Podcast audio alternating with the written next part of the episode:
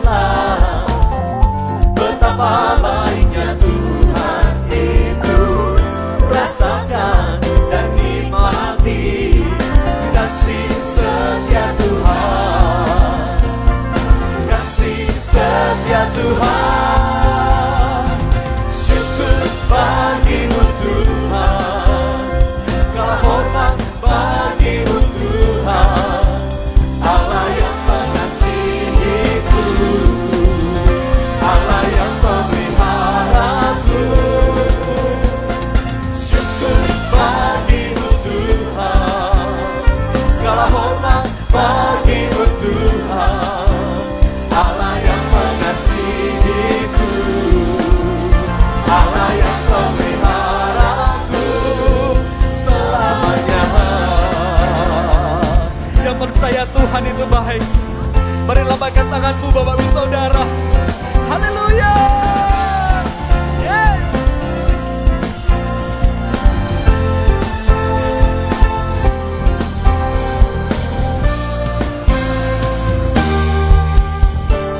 Syukur bagimu Tuhan Segala hormat bagimu Tuhan Allah yang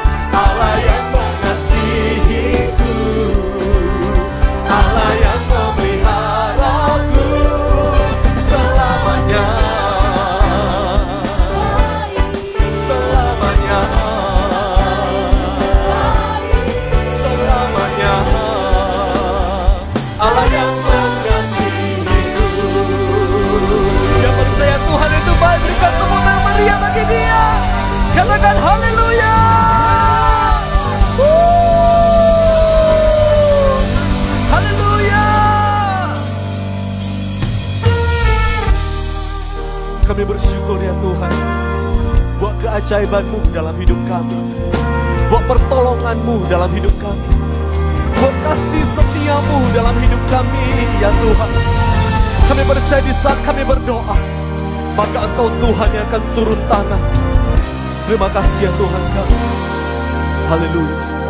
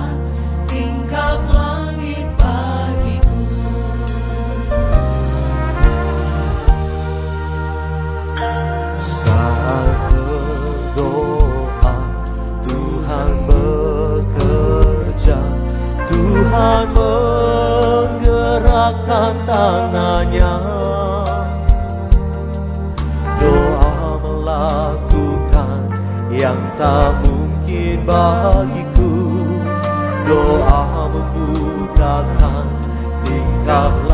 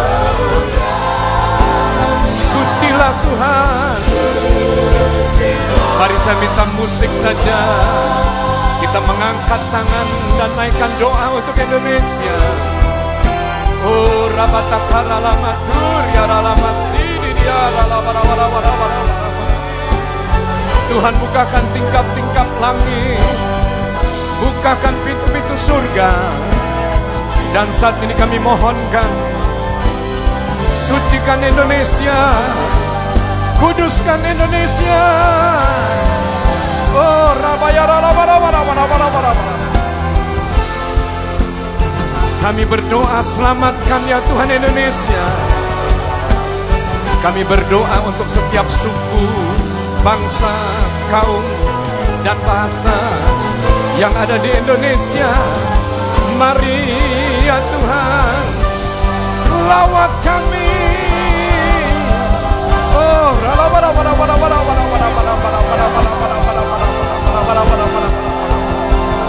lawat Indonesia ya Tuhan. Indonesia. Oh ya. Oh ya.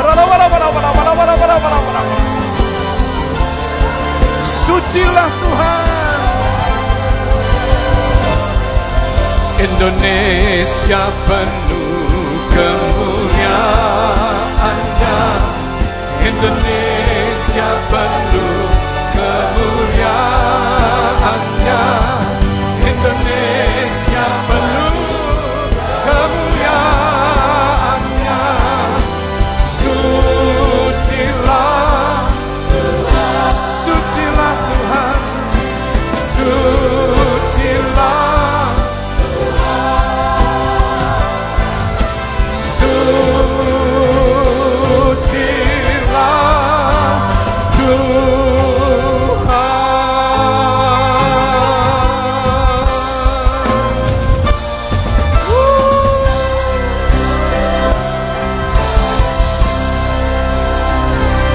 kudus Kudus dan kuduslah engkau ya Tuhan Raja semesta alam Penguasa langit dan bumi Oh ya Bagimu pujian kami, sembah kami, hormat kami,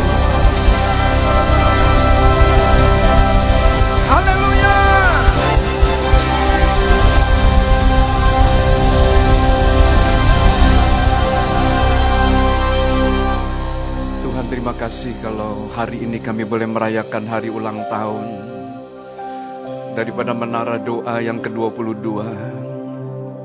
Kami bersyukur ya Tuhan untuk tahun demi tahun di mana Tuhan memimpin dan menuntun perjalanan daripada gerejamu di tempat ini. Engkau yang mengajar kami untuk duduk bersama-sama dalam doa pujian dan penyembahan. Dan kalau kami ada sebagaimana kami ada saat ini, maka kami akui semua itu semata-mata hanya oleh karena kasih karuniamu ya Tuhan. Engkau yang memberikan dan mengurapi kami dengan spirit of supplication and spirit of grace. Oleh sebab itu pagi hari ini di ulang tahun yang ke-22 kami tidak datang dengan tangan yang hampa tapi kami datang dengan membawa korban ucapan syukur yang mengalir dari hati kami yang paling dalam. We thank you and we thank you Lord. We thank you for your goodness. We thank you for your mercies, oh Lord. Saudara mari buka kedua tangan saudara. Naikkan ucapan syukur. Terima kasih. Kami bersyukur. Kami bersyukur. Terima kasih Tuhan, terima kasih.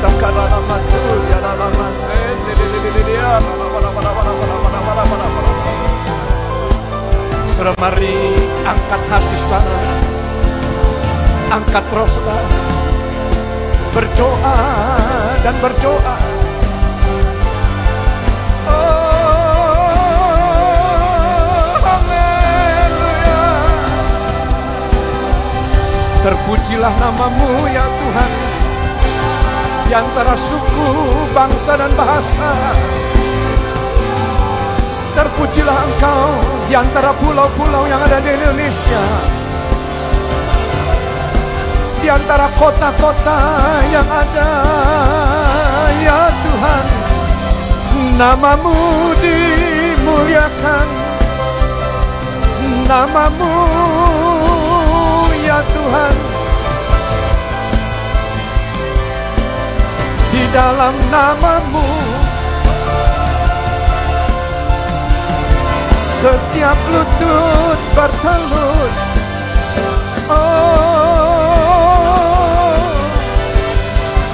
Kami berdoa ya Tuhan nyatakan kemuliaan-Mu Nyatakan kedahsyatan-Mu ya Tuhan Atas bumi Nusantara Atas Indonesia Oh ya dalam pada pada pada pada pada pada pada pada pada pada pada pada pada pada pada pada Oh ya dalam pada pada pada pada pada pada pada Bangkitkan gerejamu Bangkitkan umatmu ya Tuhan Biarlah api doa Api misi dan penginjilan Menyala atas Indonesia Atas gerejamu ya Tuhan Oh, ya Allah, Allah, Allah, Allah, Allah, Allah, Allah, Allah, Allah, Oh, ya wala wala wala wala wala wala wala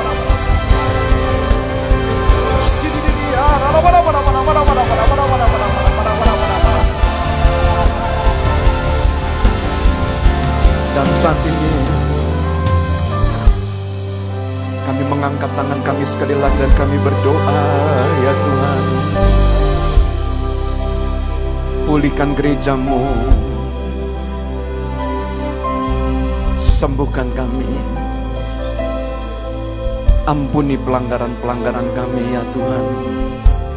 Ampuni dosa-dosa kami. Kesalahan-kesalahan dan kebodohan kami. Engkau yang menyingkirkan setiap penghalang yang menghalangi kami bersekutu bersama dengan Tuhan. Sehingga saat ini kami boleh menikmati pandangan daripada wajahmu yang memberikan kami damai dan sejahtera. Kami boleh melihat Tuhan mengulurkan tanganmu untuk menolong kami. Dan saat ini izinkan kami menikmati betapa panjang dan betapa lebar. Betapa tinggi dan betapa dalam kasihmu ya Tuhan. Kau mengulurkan tali kasihmu dan kau menarik kami. untuk datang lebih lagi.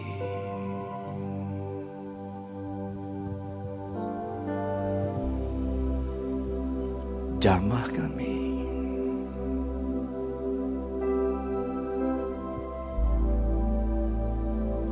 Penuhi kami Tuhan.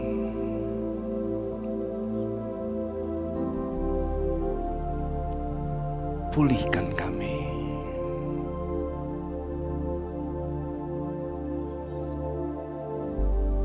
Jesus, Jesus.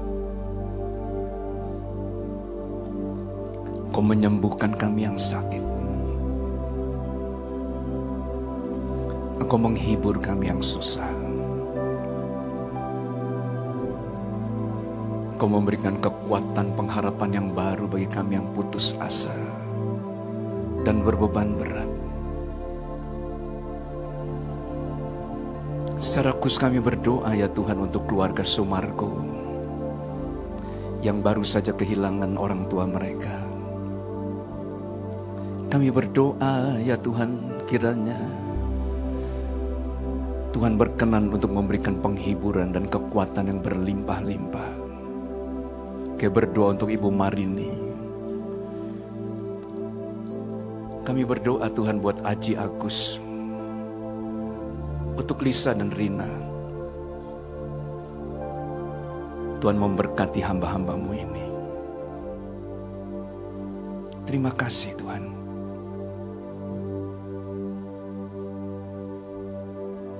Tuntun kami untuk berjalan. Bersama-sama dengan Tuhan dan izinkan kami menikmati kelimpahan keindahan, dan kekayaan surga. Ini doa kami. Dalam nama Tuhan Yesus. Mari yang diberkati bersama dengan saya katakan. Amin. Amin. Mari kita berikan tepuk tangan yang meriah. Tepuk tangan yang lebih meriah lagi. Sebelum duduk, berikan ucapan selamat kiri dan kanan Tuhan memberkati. Saudara yang dikasih oleh Tuhan, saat ini kita sedang berada di menara doa dan bersama-sama kita merayakan hari ulang tahun daripada menara doa yang ke-22. Dan saudara, saya mengucapkan selamat hari ulang tahun bagi seluruh pendoa yang dipimpin oleh Ibu Berta Melisa.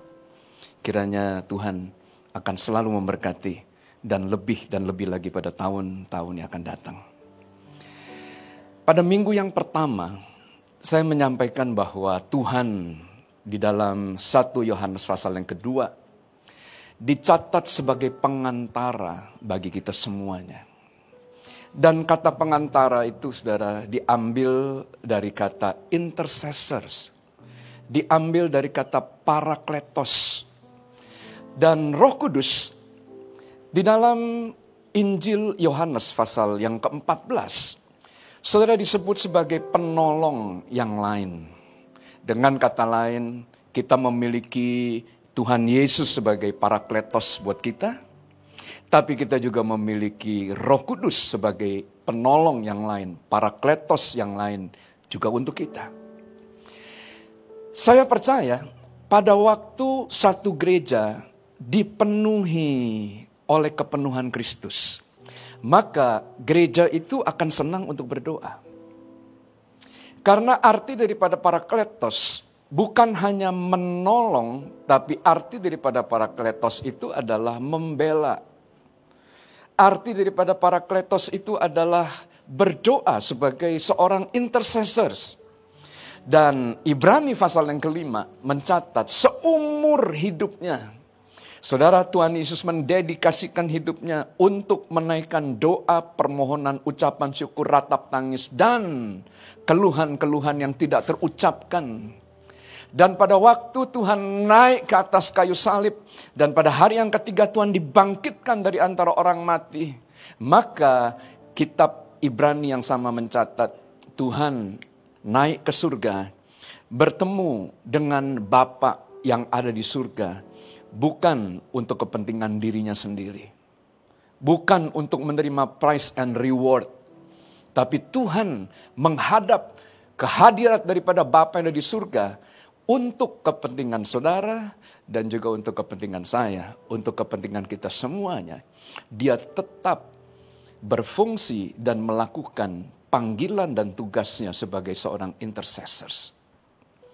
Jadi saya percaya pada waktu Roh Kudus hadir atau pada waktu Tuhan hadir dalam satu gereja, maka akan ada gerakan doa dalam gereja itu. Nah, Bapak Ibu yang dikasih oleh Tuhan, hari ini saya ingin mengajak kita untuk melihat uh, satu tema yang berjudul Spirit of Supplication and Intercession. Nah, kita akan lihat di dalam kitab Sakaria pasal yang ke-12 dan kita akan membaca ayat yang kedua dan ayat yang ketiga. Nah sebelum saya masuk di dalam pembacaan daripada firman Tuhan, maka kitab Sakaria ini adalah satu kitab yang sangat unik. Oleh karena ada banyak unsur eskatologi, unsur yang kemudian menyingkapkan rahasia-rahasia apa yang akan terjadi pada hari-hari yang akan datang. Dari pasal yang pertama sampai dengan pasal yang ke-8, maka kitab Sakaria mencatat ada delapan penglihatan yang diberikan oleh Tuhan kepada Nabi Sakaria. Tetapi pada ayat yang ke-9, ah, maksudnya pada pasal 9 sampai dengan pasal yang ke-14, maka kitab Sakaria mencatat ada enam nubuatan yang akan terjadi pada hari-hari yang akan datang. Di dalam Sakaria pasal yang ke-12 ayat yang kedua sampai dengan ayat yang ketiga. Maka Nabi Sakaria menubuatkan pada suatu hari nanti. Maka bangsa-bangsa akan datang berduyun-duyun. Segala bangsa yang ada di seluruh penjuru bumi ini.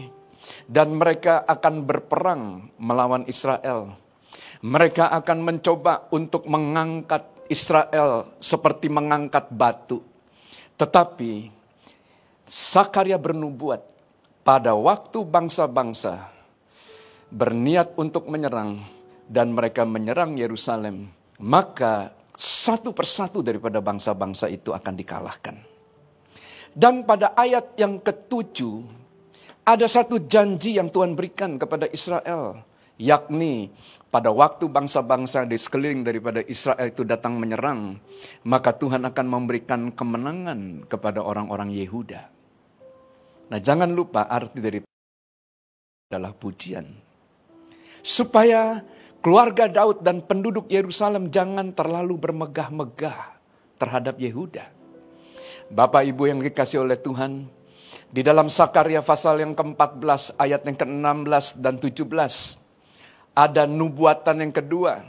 Bukan hanya Tuhan memberikan kemenangan kepada Israel, kepada Yehuda, tetapi dicatat dalam ayat 16 dan 17, bangsa-bangsa yang datang menyerang Yerusalem pada waktu itu, maka mereka akan datang kembali ke Yerusalem bukan untuk berperang.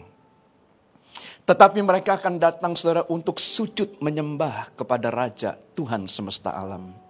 Dengan kata lain, kita akan melihat ada penuaian yang besar akan terjadi. Setelah peperangan yang besar itu terjadi, maka kita akan kemudian menyaksikan tangan Tuhan bekerja. Yakni bangsa-bangsa, suku-suku bangsa akan datang untuk sujud menyembah Tuhan di kota Yerusalem.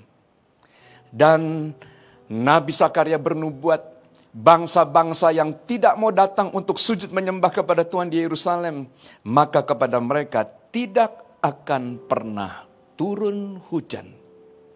Dan Anda bisa bayangkan kalau hujan tidak turun seperti di zaman Elia, maka kekeringan itu akan terjadi. Dengan kata lain, bangsa-bangsa yang mau dan rela hati untuk datang dan sujud menyembah kepada Tuhan, maka kepada mereka Tuhan akan mengirimkan kelimpahan. Tuhan akan memberikan berkat yang luar biasa kesejahteraan akan merata di seluruh dunia. Oleh karena Tuhan akan memberikan hujan, yakni hujan awal dan hujan akhir, sehingga bukan hanya Israel, tetapi bangsa-bangsa akan menikmati hujan awal dan hujan akhir, sehingga bangsa-bangsa akan mengumpulkan gandum, anggur, dan minyak. Nah, saudara, apa yang menjadi kunci daripada kebangunan dan penuaian yang akan terjadi kepada bangsa-bangsa seperti yang dinubuatkan oleh Nabi Zakaria. Maka dalam pasal 12 ayat yang ke-10, Saudara Tuhan berjanji akan tiba waktunya, akan datang saatnya di mana Tuhan akan mencurahkan kepada setiap orang Israel, kepada orang-orang percaya. Jangan lupa Gereja itu juga disebut sebagai keturunan Abraham. Kita adalah anak-anak Abraham yang sama dengan orang-orang Yahudi, yang sama dengan orang-orang Israel. Dan Tuhan berjanji, Tuhan akan mencurahkan roh pengasihan, the spirit of grace, dan roh permohonan, spirit of supplication. Dan pada waktu gereja berdoa, oleh karena goncangan-goncangan yang terjadi pada hari-hari terakhir. Saudara, Tuhan akan bekerja. Pada waktu saya masih melayani bersama-sama dengan Ibu Santi di dalam paduan suara, maka ada satu lagu, saudara, yang sering kita nyanyikan, bahwa Tuhan itu hanya sejauh doa. Kita berpikir bahwa Tuhan tinggal di surga yang sangat jauh dan sangat sulit bagi kita untuk bisa menjangkau Tuhan yang tinggal di surga. Tapi lagu itu berkata, dia hanya sejauh doa. Saya percaya pada waktu gereja mulai memiliki satu kerinduan untuk berdoa, untuk berseru dengan spirit of supplication and spirit of grace maka nubuatan-nubuatan yang tercatat dalam kitab Sakaria pasti akan digenapi. Loh, nggak ada yang katakan amin? Nggak ada yang katakan amin? Anda tidak rindu melihat bangsa-bangsa datang berduyun-duyun untuk sujud menyembah. Jangan dilihat perangnya, tapi lihat endingnya. Percayalah, Tuhan tidak pernah memiliki rancangan kecelakaan, tapi rancangan Tuhan rancangan damai sejahtera hari depan yang penuh dengan pengharapan. Bisa katakan amin? Ya, ayo berikan tepuk tangan yang lebih lagi.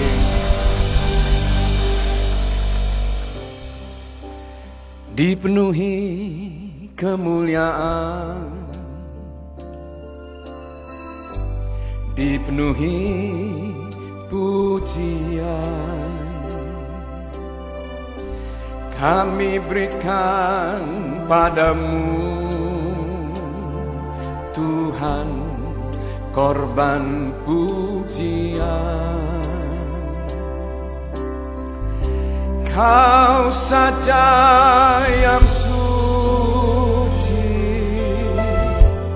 Kau saja yang layak. Kau layak terima glory. Yesus kau Tuhan. Kau saja yang suci Kau saja yang layak. Kau layak terima glory. Hanya kau. Saya minta musik pelan-pelan. Saudara saya ingin mengajak Anda untuk melihat satu ayat dari satu Tawari pasal 25 ayat yang pertama. Saya tulis, pertolongan Israel datang dari nama Tuhan. Ada sesuatu yang aneh di dalam ayat ini. Satu Tawari 25 ayat 1 berkata, selanjutnya untuk ibadah, Daud dan para panglima menunjuk anak-anak Asaf, anak-anak Heman, anak-anak Yedutun, mereka bernubuat dengan diiringi kecapi, gambus, dan ceracap. Nah saudara yang dikasih oleh Tuhan, di zaman perjanjian lama, di tabernakel Musa, maka ada pemisahan antara imam dan raja. Pada waktu Saul menantikan kehadiran daripada Samuel, dan Samuel tidak kunjung datang, sedangkan tentara daripada Filistin telah mengepung mereka.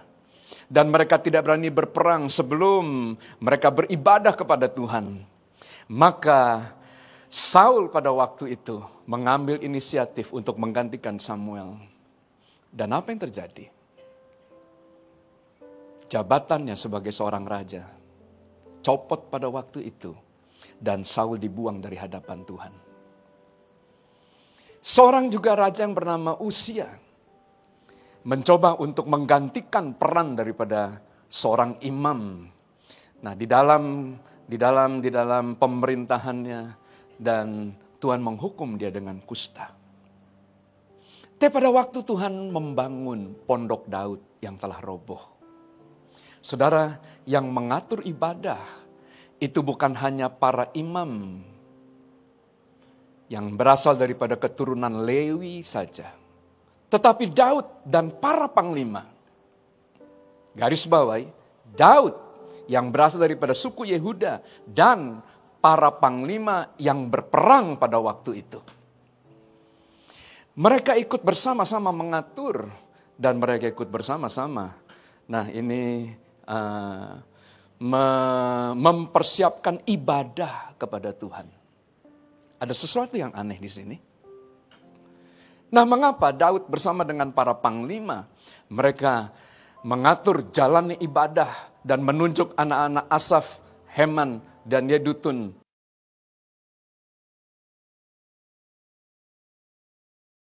daripada pondok Daud.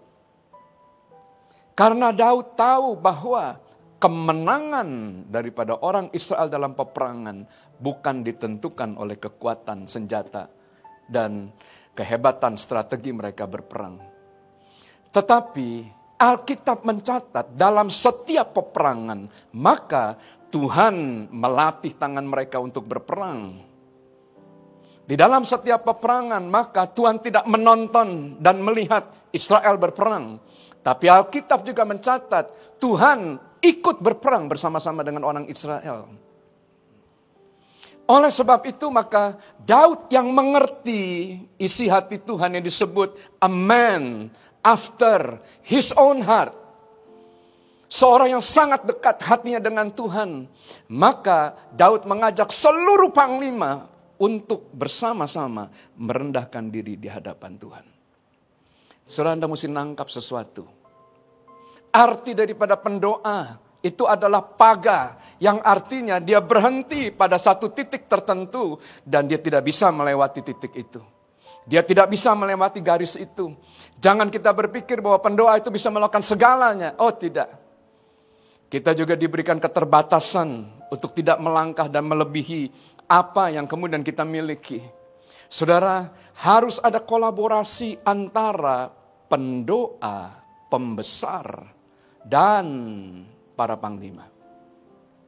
Saya percaya pada waktu gerakan daripada doa tidak berhenti hanya pada gereja saja, tapi gereja kemudian mulai melibatkan para panglima untuk berdoa bersama-sama, para panglima untuk beribadah bersama-sama, para panglima untuk sujud menyembah dan merendahkan diri di hadapan Tuhan.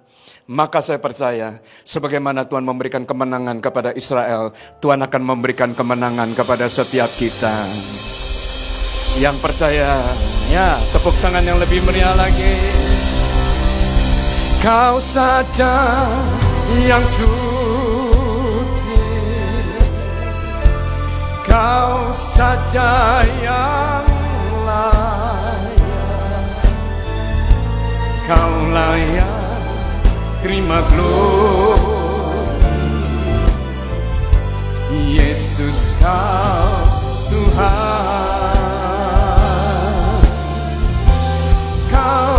Saja yang suci. Kau saja yang layak. Kau layak terima glory. Hanya kau. Mari kita lanjut saudara. Nah di dalam sejarah perjanjian baru, maka eviden demi evidence kita temukan saudara. Pola yang terdapat di dalam kitab Sakaria, di mana Tuhan menuntun Israel pada waktu Israel mereka berdoa sungguh-sungguh dengan ratap tangis, dengan keluhan yang tidak terucapkan. Maka di tengah-tengah himpitan, di tengah-tengah kepungan daripada bangsa-bangsa yang lain, Tuhan memberikan kemenangan. Nah mari kita lihat versi yang lain dari kisah Rasul pasal yang pertama. Kisah Rasul pasal yang pertama ayat 14 dan 15. Ini merupakan ayat dasar yang dipakai untuk pemulihan daripada pondok Daud. Nah di mana saya hari-hari ini sedang menulis buku chapter demi chapter, ya saya mulai tulis seperti yang tadi saya sampaikan, itu juga ada di dalam bagian daripada buku itu. Nah dalam pasal yang pertama ayat yang ke-14 mereka berseru, bertekun sehati dalam doa bersama-sama, garis bawahi. Dan pada waktu kemudian mereka berdoa bersama-sama, maka roh kudus tiba-tiba turun dan memenuhi mereka dalam pasal yang kedua. Roh Kudus dicurahkan sementara mereka ada dalam rumah doa.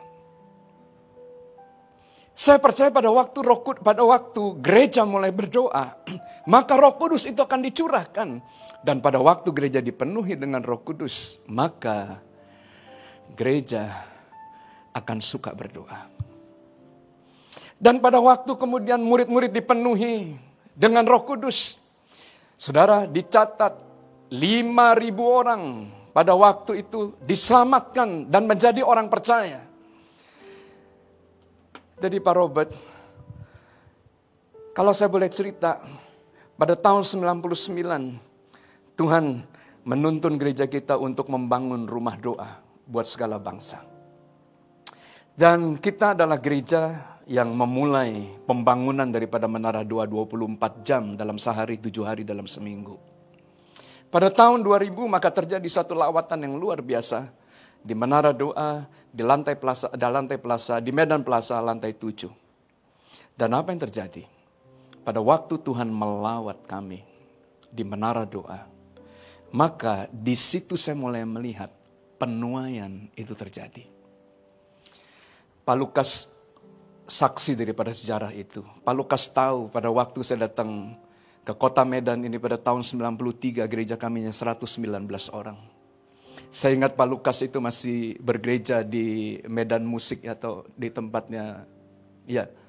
Nah, di loteng atas saya pernah bertemu dengan dengan dengan beliau. Gereja kami hanya 119. Tapi apa yang terjadi pada waktu menara doa itu berdiri? Maka pada waktu itu, ada satu statement dan ada satu tuntunan yang Tuhan beri kepada kami. Tanpa menara doa tidak ada penuaian. Dan saya mau bersaksi, gereja yang 119 ini tidak lagi menjadi gereja yang kecil. Tapi ribuan orang, puluhan ribu orang datang beribadah. Saya percaya kalau Tuhan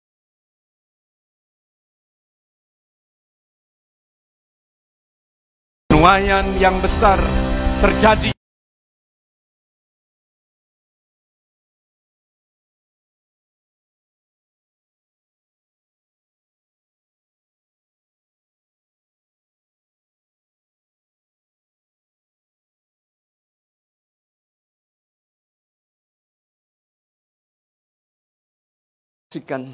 Bagaimana cara Tuhan itu bekerja di gereja ya yang luar biasa ini. Setiap kali kalau kita mulai naikkan pujian dan penyembahan. Saudara, tanda-tanda ajaib dan tanda-tanda musisat itu terjadi. Saya nggak tahu ada berapa banyak Anda yang ingat pada waktu itu kita berdoa bersama-sama dengan Paroni Daud. Kita berdoa untuk kisah Rasul pasal yang keempat ayat 31 Saudara Pak Roni waktu itu berdoa begini, Tuhan pada zaman dulu rasul-rasul dan murid-murid berdoa, Tuhan datangkan gempa untuk menggoncang tempat di mana kita berdoa. Dan kami sudah lama tidak melihat hal ini, tidak pernah mendengar hal ini. Dan malam itu pada waktu dia berkata seperti itu, gempa betul-betul datang. Dan waktu lantai enam itu digoyang saudara. Yang pertama lari itu Pak Weli. Pak Weli itu langsung pemain drum itu melihat karena pintu exit samping ya emergency exit dari sebelah daripada pemain drum saudara dia kabur dan lari ke bawah dan yang lain lari ke bawah saudara dan yang paling lucu Pak Ahwi. Pak Ahwi dia lari ke kantor saya dan kemudian dia cari meja saya dan dia kemudian bersembunyi di bawah di kolong meja. Saudara yang dikasih oleh Tuhan, keesokan harinya saya tanya, kepada orang-orang toko-toko yang ada di bawah sana. Karena kita ada di mall di lantai 6 kita beribadah. Saya tanya sama mereka kemarin pada waktu gempa apa yang terjadi? Apakah Bapak kemudian ikut ngalami gempa? Saudara saya tanya satu-satu dan mereka berkata begini nggak ada gempa semalam. Saudara sesuatu yang aneh. Tetapi pada waktu kemudian lawatan itu terjadi Sign and wonder. Tiap-tiap minggu itu kita lihat. Terjadi dalam tiap-tiap kebaktian. Saudara saya percaya. Tuhan tidak pernah berubah dulu sekarang selama-lamanya. Pada waktu lawatan daripada roh kudus. Roh doa itu melawat gereja. Gereja mulai berdoa. Maka sign and wonder itu akan menjadi penglihatan sehari-hari, pengalaman daripada sehari-hari. Dan bukan itu saja. Maka dalam pasal yang kedua ayat 43 sampai dengan ayat 45. Bukan hanya musisa terjadi, tapi unity. Dan kemudian ada revenue sharing. Orang-orang menjual hartanya dan membagi-bagikan kepada yang lain. Oleh sebab itu Anda lihat bahwa YSKI kita tidak pernah berhenti. Sekalipun pandemi menghentikan semua sektor ekonomi. Tetapi pelayanan terhadap orang miskin terus jalan. Bukankah Tuhan itu adalah Tuhan yang ajaib? Amin. Nah saya akan tutup ya. Mungkin saya tidak bisa selesaikan oleh karena waktu. Bapak Ibu yang dikasih oleh Tuhan. Kisah Rasul pasal yang ke-10. Alkitab mencatat Cornelius sebagai orang asing yang pertama yang dipenuhi oleh Roh Kudus, yang dibaptis oleh Roh Kudus. Dan peristiwa ini pada waktu dibawa oleh rasul-rasul ke sidang yang ada di Yerusalem, mereka menemukan pondok Daud yang telah roboh. Sudah dipulihkan oleh Tuhan dan sedang dipulihkan oleh Tuhan. Bapak Ibu yang dikasih oleh Tuhan, pada waktu kemudian kami melihat ayat ini, kami membaca ayat ini dan kami mendalami ayat ini, maka kita lihat latar belakang ceritanya. Kalau kita mundur sebentar, dicatat saudara dalam fas ayat yang ke-9, pada waktu Petrus berada di Yope, Apa yang Petrus lakukan? Saudara, Petrus berdoa pada waktu itu. Pada pukul 12 tengah hari, maka Petrus naik ke atas rumah. Saudara dia naik untuk berdoa. Dan Matius pasal yang keempat, Matius ayat yang kedua dan ayat yang ke-19. Tuhan Yesus juga pada waktu memulai pelayanannya, Tuhan memulai pelayannya dengan berdoa. Dia berdoa dan berpuasa. Dan apa yang terjadi? 12 murid yang pertama ditemukan oleh Tuhan. Nah dari dua kisah ini, dari dua peristiwa ini, maka kita menangkap. Pada waktu Petrus berdoa, dia tidak hanya sekedar berdoa, seperti doa yang kita yang kita kita kita kita sering lakukan, tetapi dicatat pada waktu Petrus berdoa, dia berdoa sampai rohnya dipenuhi dengan kuasa ilahi. Dalam bahasa aslinya ekstasis. Dia kemudian dibanjiri oleh roh. Dia dikuasai oleh roh, dia dipimpin oleh roh. Dan pada waktu roh memimpin, maka dia melihat ada binatang-binatang yang haram. Dan roh kudus mulai memimpin dia untuk bertemu dengan Cornelius. Sama seperti pada waktu Tuhan selesai berdoa dan berpuasa, maka roh mulai menuntun untuk bertemu dengan murid. 12 murid dipanggil oleh Tuhan melalui pelayanan doa. Bapak Ibu yang dikasih oleh Tuhan, bukankah Matius pasal 28 ayat 19 dan ayat 20 Tuhan berpesan kepada gereja. Karena itu pergilah, jadikanlah segala bangsa muridku, baptislah mereka dalam nama Allah Bapa, Allah Anak dan Allah Roh Kudus. Dan ajarlah mereka Segala sesuatu yang telah kuperintahkan kepadamu dan ketahuilah bahwa aku, kata Tuhan, akan menyertai kamu sampai kesudahan zaman. Bisa katakan amin? Bisa katakan amin?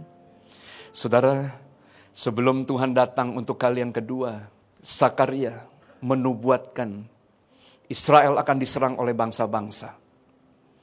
Dan Matius pasal 24 juga menubuatkan sebelum Tuhan datang untuk kali kedua akan datang aniaya. Akan datang masa-masa yang sukar. Tapi saya percaya dengan segenap hati, sesukar apa pun permasalahan yang dihadapi, asal Tuhan ada di sisi kita, kita akan tenang. Sama seperti Sadrah, Mesa, dan Abednego. Pada waktu mereka berada di dapur api. Saudara yang dikasih oleh Tuhan, Tuhan hadir di sana. Dan pada waktu Tuhan hadir, maka api yang panas tidak akan menyengat. Goncangan tidak akan pernah menggoncangkan kita. Bapak, Ibu yang dikasih oleh Tuhan tangkap ini. Saya berdoa agar menara doa nanti bukan hanya untuk satu gereja lokal.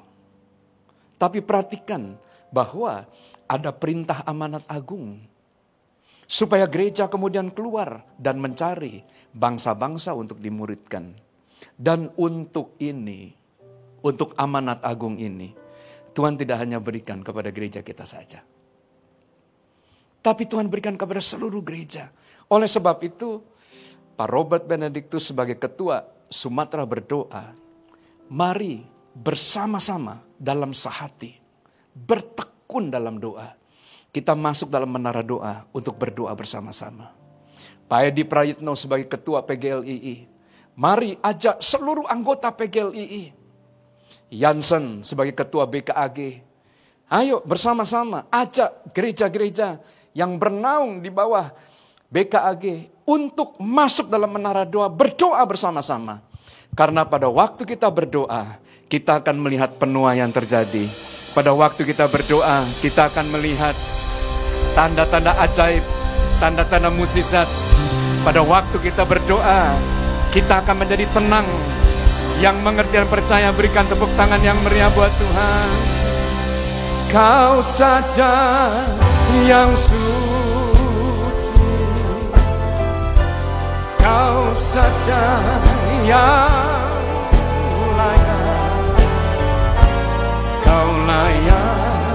Terima gloria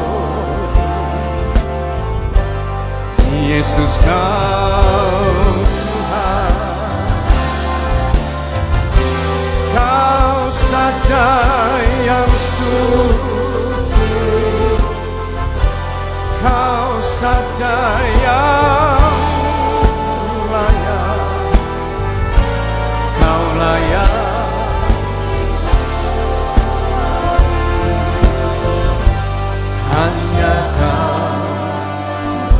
Saya minta musik saja Saya akan tutup saudara di sini Mari kita lihat Yakobus pasal yang kelima ayat yang ke-17 sampai dengan ayat yang ke-18. Bagi banyak orang berdoa itu adalah suatu pekerjaan yang susah. Dari mana kita tahu bahwa berdoa itu susah di dalam satu gereja lokal? Sederhana. Anda lihat aja kalau pendeta yang berkhotbahnya bagus, ya, begitu turun mimbar, biasanya ada jemaat yang kemudian datang minta, Pak Pendeta tolong dong doain. Tapi kalau pendeta khotbahnya nggak bagus, saudara, nggak ada yang minta doa. Kalau hari itu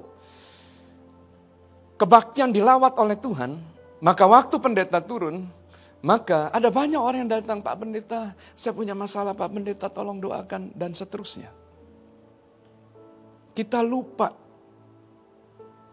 Alkitab mencatat Elia adalah manusia biasa, sama seperti siapa? Katakan sebelah kiri kanan Anda, Elia sama seperti kamu. Elia sama seperti seperti kamu, seperti saya, seperti kita. Apa yang menjadi kelebihan daripada Elia? Nah,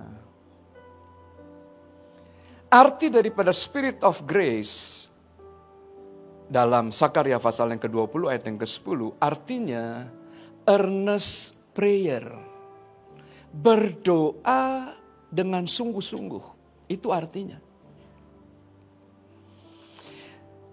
Kelebihan daripada Elia, waktu dia berdoa, dia berdoa sungguh-sungguh seperti tidak ada lagi jalan keluar yang lain.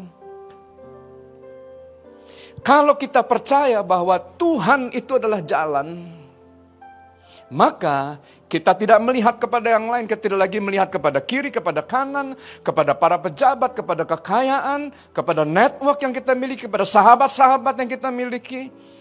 Tetapi pada waktu Elia berdoa, dia berhadapan dengan 450 nabi Baal dan dia hanya sendirian. Dia tidak memiliki kiri kanan untuk menopang dan menolong dia. Dia tidak seperti Musa yang memiliki Harun dan Hur. Dia sendirian pada waktu itu. Dan pada waktu dia tahu dia tidak memiliki siapa pun di samping dia. Maka harapannya hanya satu. Oleh sebab itu dia bersungguh-sungguh, kalau Tuhan tidak menolong, selesailah kehidupannya, selesailah pelayanannya. Seringkali doa kita tidak sungguh-sungguh karena kita masih memiliki kekuatan di kiri dan kanan kita, di belakang kita. Tapi akan datang waktunya, akan datang masanya. Sama seperti Israel. Dia sendirian dan bangsa-bangsa datang untuk menyerang dia. Sama seperti Matius pasal yang ke-24. Kamu akan dibenci, kamu akan dihianati. Bukan oleh karena hal yang lain, oleh karena imanmu kepada Tuhan. Engkau akan dibenci. Pada waktu Anda melihat saudara sekeliling Anda tidak mendukung Anda. Dan Anda tidak memiliki pengharapan yang lain. Kecuali hanya satu kepada Tuhan. Saya percaya doa yang seperti ini.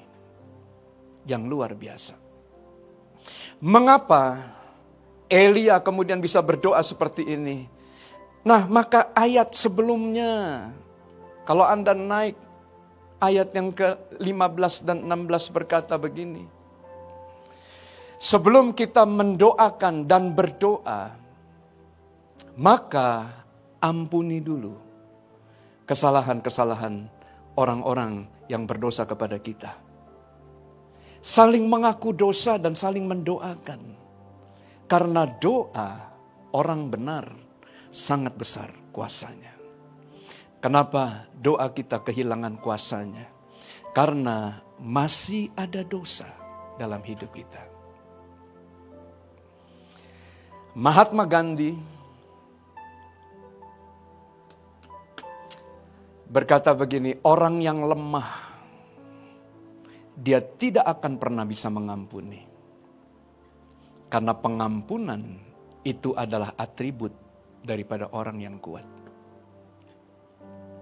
The weak can never forgive.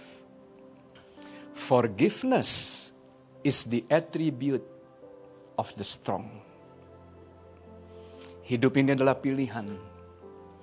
Anda mau nyimpan kesalahan orang lain? Go ahead, silahkan. Tapi Anda termasuk bukan orang-orang yang kuat. Orang yang kuat adalah orang yang berani melepaskan pengampunan dan berani mengampuni. Tidak ada yang sempurna. Termasuk kami juga belum sempurna. Tetapi pada waktu kita mau membuka hati kita, pada waktu kita memohonkan pengampunan, percayalah, Tuhan akan mengampuni kita. Pada waktu Tuhan mengampuni kita, maka Anda memiliki pengharapan dalam Tuhan. Dan pada waktu Anda berdoa dengan sungguh-sungguh, spirit of grace and spirit of intercession, pada waktu mereka bertemu, maka sesuatu yang luar biasa terjadi. Saya undang kita untuk bangkit berdiri. Di hadapan kita roti dan anggur, lambang tubuh dan darah Tuhan. Sebelum kita makan dan minum, mari kita mulai menguji diri kita masing-masing. Saya berikan waktu kepada Anda. Mari kita membuka kedua tangan kita dan mulai berdoa.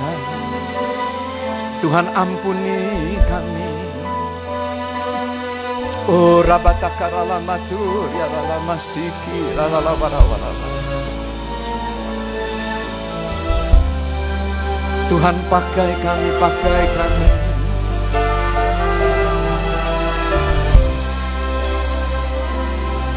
Sebab apa yang telah kuteruskan kepadamu telah aku terima dari Tuhan. Yaitu bahwa Tuhan Yesus pada malam waktu diserahkan mengambil roti.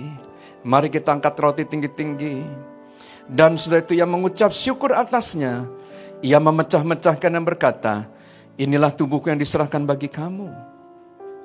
Perbuatlah ini menjadi peringatan akan aku. Sudah dikasih oleh Tuhan bukankah roti yang atas kita ucapkan syukur adalah persekutuan kita dengan tubuh Kristus. Makanlah.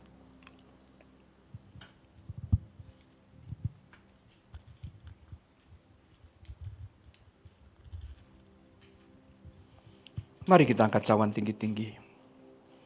Demikian juga yang mengambil cawan sudah makan lalu berkata, Cawan inilah perjanjian baru yang dimeteraikan oleh darahku. Perbuatlah ini setiap kali kamu meminumnya menjadi peringatan akan aku. Setelah dikasih oleh Tuhan bukankah cawan yang atas kita ucapkan syukur adalah persekutuan kita dengan darah Kristus. Minumlah.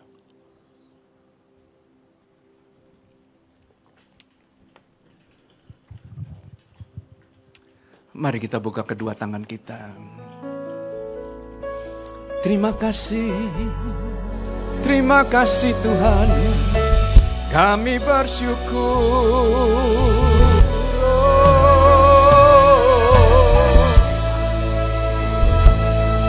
Terima kasih Tuhan.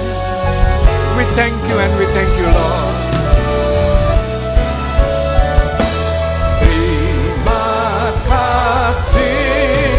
Yesusku Terima kasih Yesusku Puji syukur hanya bagi Tuhanku.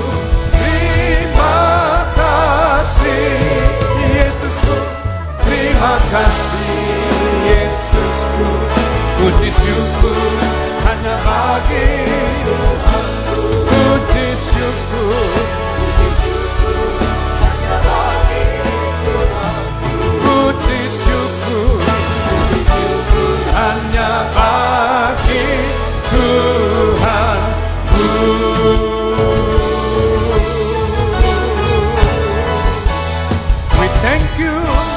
thank you Lord.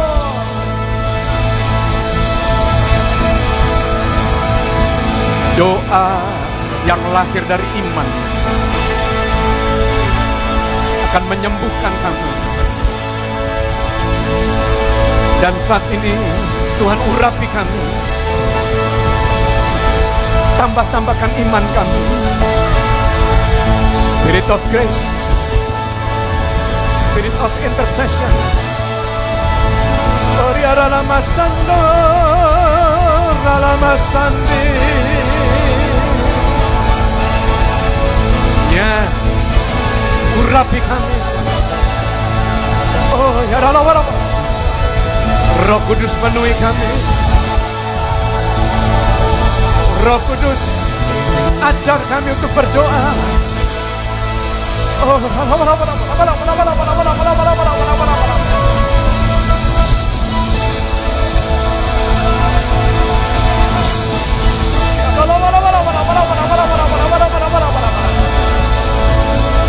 Mari saudang pacarles. Oh, Lawat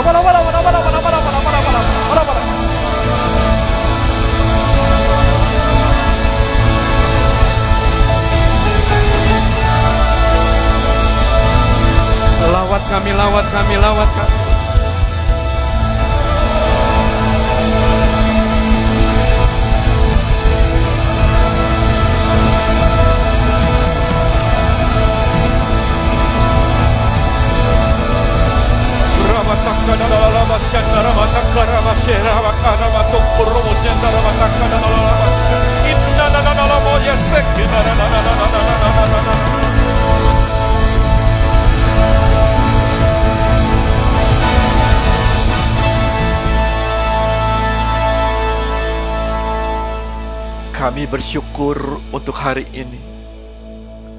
Kami boleh melihat Tuhan selama 22 tahun menara doa boleh ada karena kasih anugerah Tuhan. Ada begitu banyak doa dan permohonan. Ada banyak keluh kesah dan tangisan Tuhan yang dinaikkan. Air mata daripada orang-orang yang tidak dikenal para ibu-ibu, anak-anak muda yang datang Tuhan dengan hati yang hancur. Menaikkan permohonan mereka Tuhan untuk kota mereka. Kalau kami boleh melihat Tuhan apa yang kau kerjakan. Pada hari ini kami katakan Tuhan terima kasih. Hambamu berdoa pakai Tuhan terus Tuhan setiap daripada para pendoa yang ada di tempat ini. Bahkan para jemaatmu Tuhan. Yang berseru kepadamu siang dan malam. Yang menaikkan Tuhan doa mereka, pujian mereka. Mari Tuhan, kiranya kau mengurapi setiap daripada para pendoa. Setiap daripada jemaatmu. Kami berkata jadikan kami sebagai rumah doamu Tuhan Penuhi kami Tuhan dengan roh. Mampukan kami Tuhan merasakan detak jantung ini isi hatimu. Ajar kami menangkap Tuhan apa yang menjadi isi hatimu. Sehingga kami berdoa sesuai dengan kehendak Tuhan. Berikan hatimu untuk bangsa kami. Berikan hatimu untuk kota-kota. Berikan Tuhan hatimu Tuhan untuk jiwa-jiwa. Bagaimana kami dapat mengatakan kami dapat menuai kalau hati kami tidak dipenuhi oleh belas kasihan akan jiwa-jiwa. Sebagaimana kau mengasihi Tuhan pada hari ini curahkan rohmu. Penuhi kami Tuhan dengan roh permohonan. The spirit of supplication. Pada waktu engkau ada di dunia, engkau berdoa dan memohon. Dengan tangisan dan keluh kesah Biarlah kami datang Tuhan ke hadapan dengan keluh kesah tangisan kami. Karena kami tahu apa yang kami tabur pasti kami akan tuai. Apa yang kami tanam Tuhan pasti akan kami tuai. Hambamu ucapkan terima kasih kepada orang-orang yang telah menabur. Hambamu teringat dengan hambamu Pak Basingan Tuhan yang terbaring di rumah. Tuhan, belas kasihan sembuhkan, berikan kekuatan kepada hamba, berikan kekuatan pada setiap daripada anak-anak. Kami serahkan Tuhan wadah di tempat Pakai Tuhan untuk melakukan pekerjaan-pekerjaan yang besar, bahkan lebih besar daripada mereka yang pernah lihat. Biarlah kami boleh melihat dan merasakan Tuhan apa yang terjadi di GBI Medan Plaza juga terjadi di tempat ini bahkan lebih dahsyat lagi. Lebih lagi Tuhan. Kami boleh melihat mujizat demi mujizat. Kami boleh melihat pengajaran demi pengajaran keluar dari tempat ini karena hanya di Sion pengajaran itu akan keluar. Kami boleh melihat orang yang datang letih dan lesu Tuhan. Tuhan berikan kelegaan. Tuhan berikan hikmat pewahyuan yang terus bertambah-tambah. Berkatmu turun atas umatmu. Di dalam nama Tuhan Yesus Kristus. Amin saudara. Selamat hari ulang tahun bagi Menara yang 22. Mari silakan duduk kembali Bapak Ibu Saudara. Kita akan melihat dan menyaksikan video klip perjalanan menara doa. Selamat menyaksikan.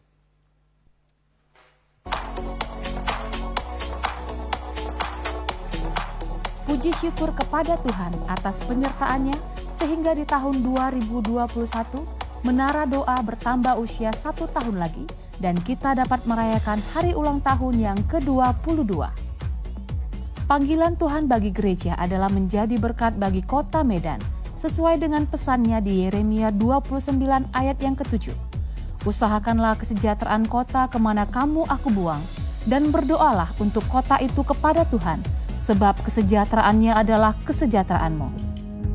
Hari jadi kota Medan yang didirikan oleh Guru Patimpus di pertemuan Sungai Deli dan Sungai Babura ditetapkan pada tanggal 1 Juli 1590. Kemudian pada tahun 1632, Kota Medan dijadikan pusat pemerintahan Kesultanan Delhi, sebuah kerajaan Melayu. Kata Medan berasal dari kata Maidan, dalam bahasa Karo berarti sembuh atau menjadi lebih baik. Medan adalah kota multi etnis yang penduduknya terdiri dari orang-orang dengan latar belakang agama dan budaya yang berbeda-beda. Selain Melayu dan Karo sebagai penghuni awal, kota Medan didominasi oleh etnis Batak, Jawa, Tionghoa, Minangkabau, Mandailing, dan India. Di tengah-tengah penduduknya yang multi etnis, maka Tuhan mempercayakan kita untuk berdoa dan berjaga-jaga melalui menara doa 24 jam, supaya kota kita mengalami kesembuhan sesuai dengan arti dari kata Medan. Menara doa adalah tempat di mana kita berjaga-jaga dan berdoa selama 24 jam, setiap hari siang dan malam, tujuh hari setiap minggu sesuai dengan moto menara doa bahwa tanpa menara doa tidak ada penuaian. Maka para pendoa telah berjaga-jaga dari sejak tahun 1999 sampai sekarang. Berikut ini sekilas cuplikan menara doa dari tanggal 1 Februari 1999 sampai dengan 1 Februari 2021. Jumlah pendoa yang tergabung di keluarga besar GBI Medan Plaza ada 2.376 orang yang dibagi dalam beberapa kelompok. Penjaga menara doa atau pasukan doa yang setia berjaga-jaga 24 jam siang dan malam berjumlah 28 orang. Pendoa inti dalam dan luar kota Medan yang terdaftar di Departemen Doa berjumlah 548 orang. Para pendoa volunteer yang setia mendukung kegiatan-kegiatan doa yang selalu bergabung di dalam ibadah-ibadah doa berjumlah 1.800 orang. Sekolah doa merupakan sarana untuk memperlengkapi para pengerja dan jemaat agar dibangun dan dibentuk menjadi pendoa-pendoa syafaat yang peka dan mengerti akan isi hati Tuhan, serta memiliki beban untuk berdoa bagi kepentingan orang lain, gereja, kota, dan bangsa. Sasaran dari sekolah doa adalah membangun pasukan doa dan menara doa di setiap kota. Pasukan-pasukan doa yang telah dibangun yang merupakan lulusan sekolah doa dari tahun 2016 sampai dengan 2019 berjumlah 928 orang yang tersebar di berbagai cabang gereja di Sumatera Utara. Selain di kota Medan, juga telah dibangun pra menara doa di 32 tempat lainnya yang tersebar di Sumatera Utara di mana para pasukan doa berjaga-jaga beberapa jam dalam sehari dan beberapa hari dalam seminggu. Sasaran dan doa kita adalah meningkatkan semua pra menara doa di 32 tempat ini menjadi menara doa 24 jam setiap hari, serta membangun menara doa kota yang akan menyatukan aras nasional dari berbagai denominasi seperti PGI, PGLII, PGPI, BKAG, Sumatera Berdoa, dan sebagainya. Selama pandemi, Menara Doa Onsite tetap berjalan dengan standar protokol kesehatan. Sejak September 2020, Menara Doa Online via Zoom dimulai dengan satu sesi di pagi hari dan saat ini Menara Doa Online telah dijalankan dengan enam sesi, yaitu dua sesi di pagi hari dari pukul 4 sampai 6 WIB dan empat sesi di malam hari dari pukul 18 sampai 22 WIB melalui menara doa online. Para pendoa dari segala tempat di Indonesia dan di bangsa-bangsa dapat bergabung berdoa bersama. Berikut ini perkembangan menara doa sebelum dan sesudah pandemi dari tahun 2019 sampai tahun 2020. Grafik menunjukkan bahwa sejak September 2020, di mana menara online dimulai, jumlah para pasukan menara doa yang berjaga-jaga selama pandemi di tahun 2020 naik dibandingkan dengan tahun sebelumnya. Dampak dari menara doa adalah Tuhan memberikan kesempatan untuk membangun rumah persembahan yang memberikan dampak bagi kota dan bangsa. Ekonomi Sumatera Utara tahun 2019 bertumbuh 5,22 persen, lebih tinggi dibanding dengan pencapaian tahun 2018 sebesar 5,18 persen. Dari sisi produksi, pertumbuhan dicapai oleh lapangan usaha informasi dan komunikasi sebesar 9,63 persen. Struktur ekonomi di Pulau Sumatera secara spesial pada triwulan ketiga tahun 2020 didominasi oleh beberapa provinsi dan Sumatera Utara memberikan kontribusi terbesar terhadap produk domestik regional bruto PDRB di Pulau Sumatera yaitu sebesar 23,82 persen dibandingkan dengan Provinsi Riau yang mencapai 21,82 persen. Provinsi Sumatera Selatan sebesar 13,77 persen dan Provinsi Lampung sebesar 10,95 persen. Lahirnya pemimpin kota Medan yang akan membangun Medan, yaitu Bapak Bobi Nasution dan Bapak Aulia Rahman sebagai wali kota terpilih untuk periode tahun 2021 sampai 2025. Sumatera Utara, khususnya Medan, menjadi kota yang kondusif sekalipun di tengah-tengah multi etnis yang berkembang. Namun, kita masih memiliki tugas untuk tetap berdoa dan berjaga-jaga karena data menunjukkan bahwa Sumatera Utara adalah provinsi yang memiliki tingkat kriminalitas yang cukup tinggi. Menurut data Polda Sumut, tercatat bahwa pada tahun 2020 laporan tindak pidana mengalami peningkatan sebesar 6,4 persen, di mana dari 27.484 kasus di tahun 2019 menjadi 29.243 kasus di tahun 2020. Tindak pidana yang paling tinggi di Sumatera Utara adalah kejahatan narkoba. Jumlah pengangguran di Sumatera Utara mencapai 508 ribu orang pada bulan Agustus 2020, meningkat 1,52 persen dibandingkan dengan Agustus 2019. Komisi Pemberantasan Korupsi KPK merilis sejumlah daerah dengan angka korupsi tertinggi dalam lima tahun terakhir sejak 2014 hingga 2019 dalam rilis tersebut, Sumatera Utara menempati urutan keempat secara nasional sebagai provinsi paling korup. Tuhan memberikan kita tema di sepanjang tahun ini supaya kita memperhatikan integritas dan kebenaran. Marilah kita melangkah di tahun 2021 bersama-sama dengan Tuhan. Sekalipun tantangan dan hambatan ada di depan kita, namun semua itu tidak akan membuat kasih kita kepada Tuhan dan terhadap sesama menjadi padam, melainkan kita akan tetap menjaga supaya api cinta kita terus menyala hingga Tuhan Yesus datang untuk kedua kalinya.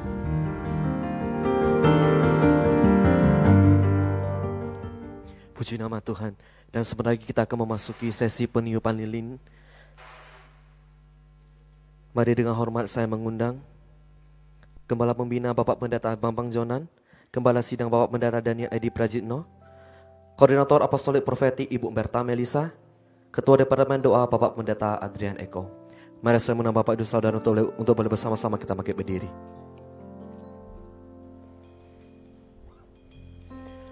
Umur panjang di tangan kanan, di tangan kiri ada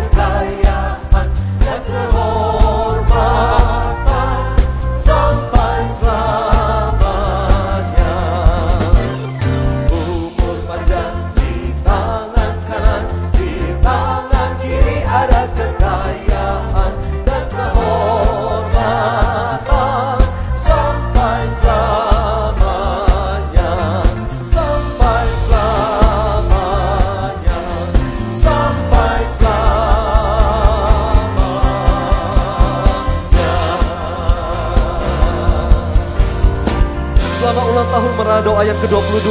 Kiranya Tuhan lebih lagi menyatakan kuasa dan kemuliaannya melalui Menara Doa. Sebab kita semua percaya tanpa Menara Doa tidak ada penuaian jiwa. Amin. Mari sama saudara kita akan berdoa. Nah shalom Bapak Ibu saudara yang dikasih oleh Tuhan Yesus. Eh, terima kasih untuk Ibu Berta dan seluruh tim. Di mana hamba Tuhan ini eh, berjuang luar biasa. Sehingga menara doa berjalan dengan luar biasa. Dan juga terima kasih untuk teman-teman yang bisa bersama-sama hadir tempat ini. Dari Sumatera berdoa, dari panitia eh, perayaan Pasca Natal Masyarakat Sumatera Utara, FKK GSU. Nah kiranya kita berdoa pasca Natal tahun 2021 ini disertai dengan Tuhan dan diberkati dengan Tuhan dengan begitu luar biasa. Mari kita berdoa. Tuhan terima kasih untuk pertemuan perayaan dan ibadah. Ulang tahun menara doa yang ke-22. Kami berdoa kiranya Tuhan membimbing dan memimpin, bahkan memberikan pewahyuan dan petunjuk kepada setiap kami. Sehingga memasuki perjalanan di ulang tahun yang ke-23, menara doa akan berdampak dengan luar biasa. Kami berdoa untuk 32 menara doa yang tersebar di Sumatera Utara dan juga Aceh. Kami berdoa, mari Tuhan jagai dan lindungi para hamba-hambamu. Berkati para penjaga, berkati para pendoa. Secara khusus kami berdoa untuk seluruh pendoa-pendoa yang ada di Indonesia. Kiranya Tuhan berkenan untuk mengurapi, kiranya Tuhan berkenan untuk memberkati. Sehingga apa yang diucapkan, apa yang didoakan, semuanya menjadi berkat. Kami berdoa, bukakan tingkap-tingkap langitmu ya Tuhan. Dan curahkan segala yang diperlukan oleh para pendoa. Sehingga sama seperti Elia pada waktu berdoa. Maka pada waktu para pendoa berdoa, apa yang tidak mungkin menjadi mungkin dan segala sesuatunya boleh terjadi karena Tuhan menjawab setiap doa-doa kami. Terima kasih untuk Sumatera berdoa. Terima kasih untuk seluruh panitia Pasca dan Natal FKK GSU di mana hamba-hambamu ini mempersiapkan persiapan untuk pelaksanaan daripada Pasca dan Natal masyarakat Sumatera Utara. Kami berdoa untuk hambamu, Bapak penyabar nakis sebagai ketua daripada panitia Pasca dan Natal. Kiranya Tuhan berkenan untuk memberkati dan menyertai. Tuhan berikan kekuatan kesehatan. Kami berdoa untuk kota Medan, kami berdoa untuk seluruh provinsi Sumatera Utara, seluruh gereja-gerejamu. Kiranya semuanya ada di dalam berkat dan anugerahmu. Pakai setiap kami ya Tuhan. Terima kasih untuk pemimpin-pemimpin yang ada di bangsa ini yang Tuhan berikan kepada kami. Terima kasih untuk Bapak Presiden. Terima kasih untuk Bapak Wakil Presiden. Untuk seluruh menteri. Kami berdoa untuk DPR. Kami berdoa untuk TNI dan Polri. Kami berdoa untuk ASN. Kiranya Tuhan berkenan untuk menyertai dan memberkatinya. Pulihkan negeri kami Indonesia. Ubah keadaan daripada Indonesia kemajuan-kemajuan yang saat ini sedang berjalan. Kiranya Tuhan berkenan untuk mempercepatnya kembali. Sehingga Indonesia akan berjaya. Indonesia akan bangkit. Dan kami berdoa.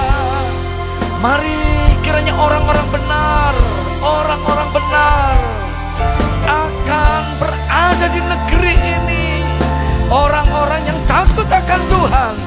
Kami berdoa untuk setiap lutut bertelut, setiap lidah mengakui Yesus itu Tuhan. Untuk tuayan jiwa-jiwa, jiwa-jiwa. Oh, ralana batakala. Eh, ralana basada ralana barala.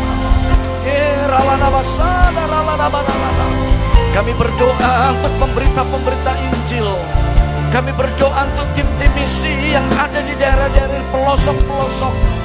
Kami berdoa untuk gereja-gerejamu. Tuhan berkatmu, pertolonganmu ya Tuhan. Di tengah-tengah pandemi, di tengah-tengah keadaan yang sulit, kami berdoa. Kiranya Tuhan melakukan karya yang ajaib. Perubahan demi perubahan terjadi. Oh. Dan pimpin gerejamu untuk melangkah di dalam perubahan-perubahan.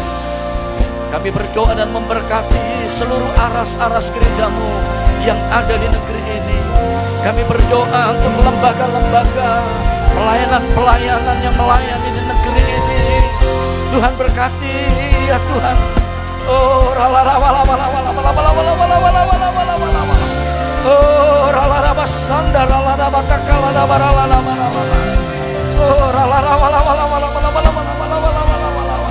Kami berdoa untuk jaringan-jaringan, jaringan doa, jaringan misi, jaringan para gembala. Tuhan berkati, ya Tuhan. Oh. Terima kasih, terima kasih. Terima kasih, terima kasih Tuhan. Terima kasih. Ubah atmosfer daripada negeri kami. Sehingga terangmu akan semakin bersinar. Dan kegelapan mulai hilang dari negeri kami. Terima kasih. Kami berdoa untuk pemimpin-pemimpin rohani kami. Untuk hambamu Bapak Pendeta Dr. Insinyur Niko Nyoto Raharjo. Kami berdoa untuk hambamu Gembala Pembina kami. Hambamu Bapak Pendeta Bambang Yonan. Kami berdoa untuk seluruh pemimpin-pemimpin gembala-gembala yang melayani. Engkau memberikan anugerah, kasih setia dan menyertai. Dan kalau sebentar kami menyelesaikan pertemuan kami, Tuhan kiranya Engkau berkenan memberkati kami. Mari buka kedua tangan kita. Bapak Ibu yang ada di rumah, yang ada di tempat ini. Kiranya berkat yang berlimpah-limpah daripada Allah Bapa. Cinta kasih yang sempurna di dalam Tuhan Yesus. Serta persekutuan yang manis daripada roh kudus. Akan menyertai perjalanan kita di saat ini. Sampai Maranatha. Tuhan Yesus datang untuk yang kedua kalinya. Yang diberkati bersama-sama kita katakan. Amin. Selamat ulang tahun, selamat menjadi berkat, selamat berdoa untuk setiap tempat di mana kita berada. Tuhan memberkati. Haleluya. Pengumuman gereja dapat kita lihat dan kita saksikan di media sosial keluarga besar GB Menang Plaza. Terima kasih, sampai jumpa Sabtu depan Bapak Saudara. Tuhan Yesus memberkati.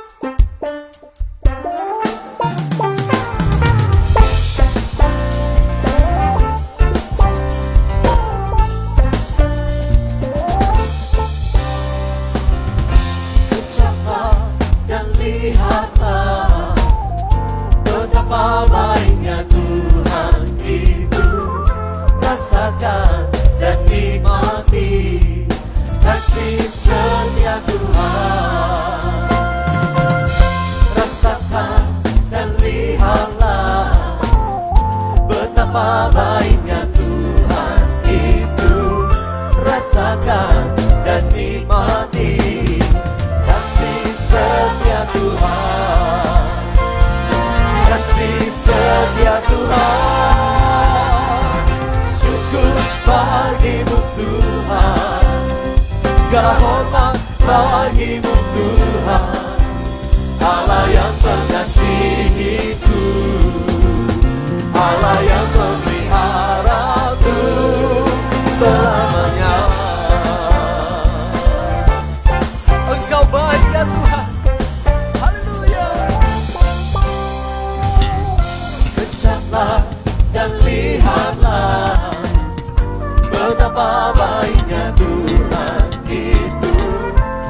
Rasakan dan nikmati Kasih setia Tuhan. Kejaplah